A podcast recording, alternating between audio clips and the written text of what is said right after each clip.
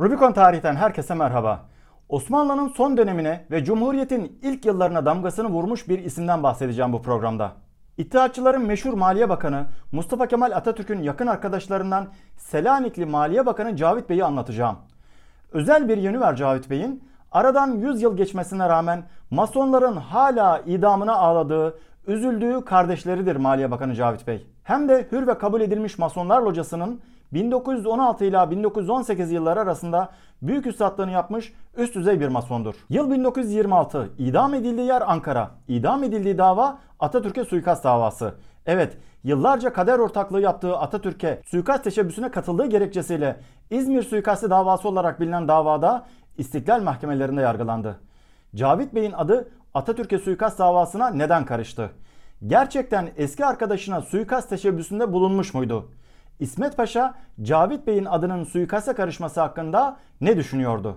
Bu programda hür ve kabul edilmiş Masonlar Büyük Locası'nın Osmanlı'daki adıyla Osmanlı Maşrık-ı Azamı'nın eski büyük üstadı ve Maliye Bakanı olan Atatürk'ün yakın arkadaşı Cavit Bey'i neden idam edildiğini ve Masonların 100 yıllık hüznünü anlatmaya çalışacağım. Rubicon tarihi Masonların 100 yıllık hüznü idamını ağladıkları bakan Cavit Bey dosyasıyla başlıyor.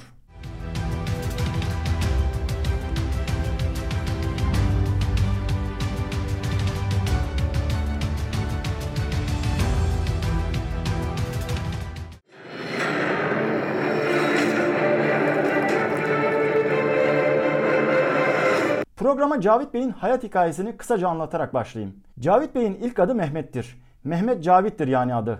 Selanik'te 1877 yılında doğdu Cavit Bey. Mehmet Cavit Bey'in babası Recep Naim Efendi Selanik'te ticaretle uğraşıyordu. Yahudilikten İslam'a geçen bir aileye mensuptu Cavit Bey. Dönmek kelimesini kullanmayı tercih etmiyorum.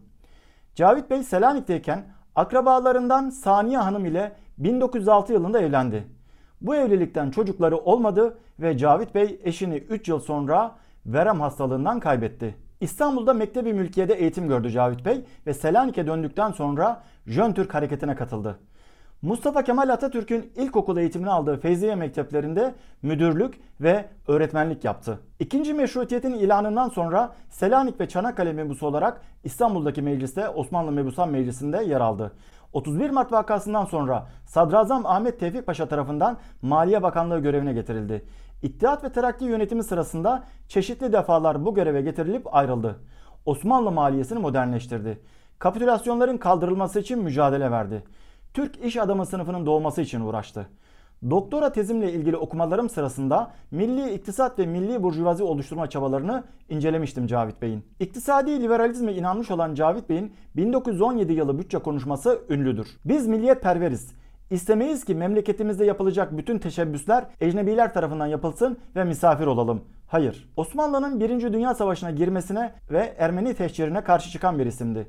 Osmanlı'nın tarafsız kalması halinde İngiltere'nin kapitülasyonların kaldırılmasına ikna olacağını düşünüyordu. 1917'de bir devlet bankası haline getirilmesi planlanan İtibar Milli Bankası'nın Fransızca adıyla Credit National Ottoman'ın kurucuları arasında yer aldı. Bu girişim iktisadi cihat olarak tanımlanıyordu.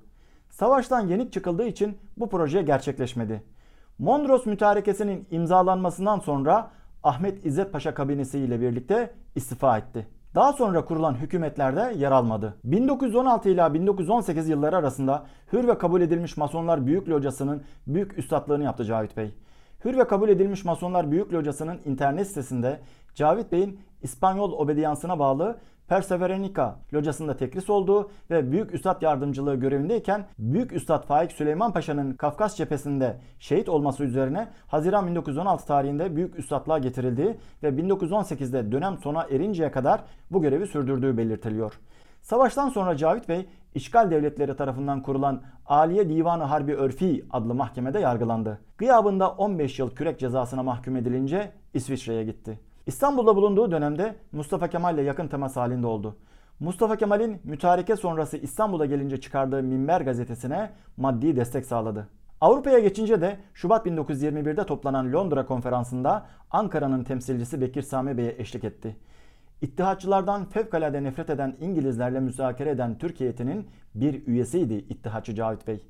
Buradaki hizmetlerinin milli hükümet temsilcilerince beğenilmesinin verdiği güvenle 34 aylık bir ayrılıktan sonra Temmuz 1922'de Duyunu Umumiye temsilcisi olarak İstanbul'a döndü. Osmanlı saltanatının kaldırılmasından sonra sürgüne gönderilen Şehzade Burhanettin'in eski eşi Aliye Nazlı Hanım ile 1921'de evlendi. Bu evlilikten oğlu Osman Şiar Yalçın 1924 yılında dünyaya geldi. Şiar Yalçın'ın hayat hikayesi de son derece ilginç ve hüzünlü hakkında bir video çalışması hazırlamayı düşünüyorum. Cavit Bey ile beraber Doktor Nazım, İsmail Can Bolat gibi önemli iddiaçılar da ülkeye dönmeye başladılar. İttihatçıların ülkeye dönmesiyle birlikte Ankara hükümeti İttihatçıların hareketlerini yakın bir şekilde izlemeye başladı. Ve bu durum Ankara hükümeti nezdinde soru işaretlerine neden oldu. Mustafa Kemal'in kafasındaki bu soru işareti o kadar büyüktü ki yani neden geri dönüyorlar ve ne yapmayı planlıyorlar sorusu Mustafa Kemal 16 Mayıs 1919 tarihinde ayrıldığı İstanbul'a reisi cumhur sıfatı ile ilk defa 1 Temmuz 1927 tarihinde dönecekti. Bu durum İttihatçı tehlikesi için önemli bir örnek teşkil eder. Genç Cumhuriyet Türkiye'sinin siyasi ortamı zaten çok büyük gerginlik içindeyken 1926 yılında çok önemli bir olay yaşandı. Mustafa Kemal Paşa'ya İzmir'e seyahati esnasında suikast yapılacağının ortaya çıkarıldığı haberi ülkenin gündemine bomba gibi düştü. Tarihte İzmir suikastı diye bilinen hadisede çok sayıda kişi Mustafa Kemal Paşa'ya suikast planına karıştıkları gerekçesiyle tutuklandı. Cavit Bey'in Mustafa Kemal Paşa'ya yapılan bu suikast planını öğrendiğindeki tepkisini eşi Aliye Hanım şöyle anlatıyor. O yazda Büyükada'daydık. 20 Haziran 1926 günü Cavit evde bir mali lügatın müsveddeleriyle meşguldü. Ben de kulübe gitmiştim. Orada Atatürk'e İzmir'de bir suikast yapılmak istendiği haberini duyunca teessür içinde hemen eve döndüm. Cavit yazı masası başında işine dalmıştı. Bak dedim ne yapmışlar? Suikast teşebbüsünde bulunmuşlar. Kime? diye yerinden fırladı. Mustafa Kemal Paşa'ya değişim üzerine hiç unutmam feveran etti. Hay Allah belalarını versin. Bu memleket ne olacak? Günah değil mi? Ne biçim şeydir bu? diye birçok şeyler söyledi. Son derece üzgündü. İzmir suikasti davasında İttihatçıların yanında İstiklal Savaşı'nın meşhur paşaları Kazım Karabekir, Ali Fuat Cebesoy, Refet Bele, Cafer Tayyar Paşa gibi önemli simalar vardı. Bu isimler 5 Haziran 1925'te kapatılan Terakkiperver Cumhuriyet Fırkası'nın kurucuları ve mensuplarıydı. Bunun yanında eski iddiatçılar ile 1. Meclis'teki eski 2. grup üyeleri de yargılandı. Suikast planının açığa çıkmasının ardından İstiklal Mahkemeleri kuruldu ve İzmir'in ünlü Elhamra sineması acele olarak mahkeme salonu haline getirildi. İstiklal Mahkemesi'ndeki dava iki kısım olarak görüldü. İlk davada 1926'nın 13 Temmuz'unda 13 kişi idam edildi. İlk kararda 11 kişi hakkında idam kararı verilmişti. Şükrü Bey, Sarı Efe Edip, Ziya Hurşit, Laz İsmail, Abidin Bey, Çopur Hilmi, Ayıcı Arif Bey, Hafız Mehmet, Gürcü Yusuf, Baytar Rasim ve Rüştü Paşa idam edilmişti. Bu idamların yanında onar yıl sürgün cezasına çarptırılan İttihat ve Terakki'nin dahiliye nazırlarından İsmail Can Bolat Bey ve Halis Turgut'un karara itiraz etmesi akabinde mahkeme heyeti İsmail Can Bolat Bey ve Halis Turgut hakkında da idam kararı verdi ve İzmir'de idam olunanların sayısı 13'e çıktı. İdam edilenlerin birçoğu Atatürk'ün çok yakın eski arkadaşlarıydı. Bu idamların yanında İttihat ve Terakki'nin ünlü İyaşe Nazırı Kara Kemal Bey ve Abdülkadir Bey henüz ele geçirilemedikleri için gıyaplarında idam kararı alındı. Kemal Tahir'in Kurt Kanunu romanını ve Pana filmin bu romandan uyarlama çektiği aynı adlı diziyi izlemenizi tavsiye ederim. Kazım Karabekir, Cafer Tayyar, Ali Fuat Cebesoy, Refet Bey ve Mersinli Cemal Paşalar beraat etti. Eski İttihat ve Terakki mensupları ve ikinci grup üyelerinin davalarını ise Ankara'da devam edilmesi kararlaştırıldı. İstiklal Mahkemesi heyeti Kelali, Necip Ali, Kılıç Ali ve Reşit Galip Bey davayı Ankara'ya taşıdı. Buradaki davada iddiaçılar hem suikast suçlamasından hem de iktidar yıllarındaki uygulamalarından dolayı sorguya çekildiler. Mahkemenin en kuvvetli şahsiyetlerinden birisi hiç kuşkusuz iddiaçıların meşhur Maliye Nazırı Cavit Bey'di. Mesela Cavit Bey Mondros mütarekesinden sonra yurt dışına kaçmak ve Enver Paşa ile buluşmakla suçlandı. İddiaçılar meşrutiyetten önceki gibi gizli çalışarak mevcut hükümeti devirip yöneticilerini görevden uzaklaştırmak, idareyi ellerine almak ve bu maksada erişmek için Mustafa Kemal Paşa'ya suikast tertiplemek suçlarından yargılandılar. Cavit Bey'in sorgulanması 10 Ağustos 1926 günü başladı. Cavit Bey savunmasında suçlamaları hiçbir zaman kabul etmedi. Hatta suçsuzluğundan ve beraat edeceğinden o kadar emindi ki ancak birkaç satır yazılmasına izin verilen eşine çıktığında bizzat okumak üzere uzun mektuplar yazdı. Mektuplar eşi Aliye Hanım'a idamın infazından sonra teslim edildi. Daha sonra bu mektuplar oğlu Şiar Yalçın'ın ön sözüyle Liberta yayınları tarafından Zindandan Mektuplar adıyla yayınlandı.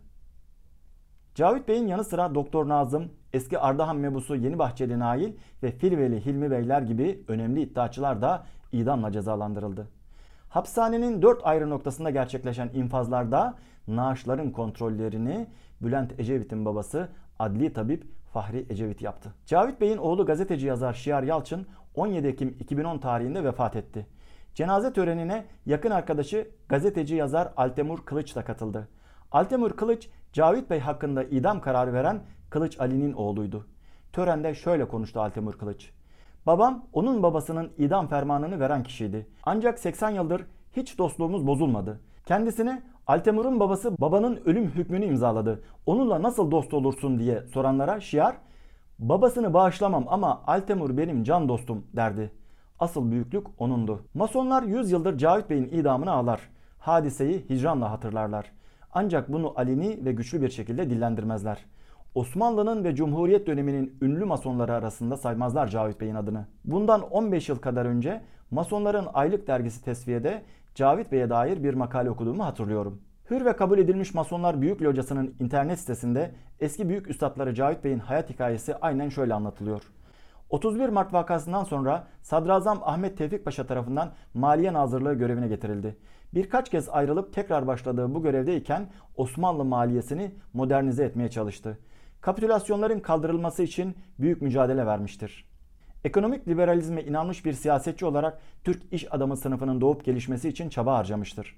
1921'de toplanan Londra konferansında Ankara'yı temsil eden heyette yer aldı ve konferans sona erdiğinde 1922'de Türkiye'ye döndü.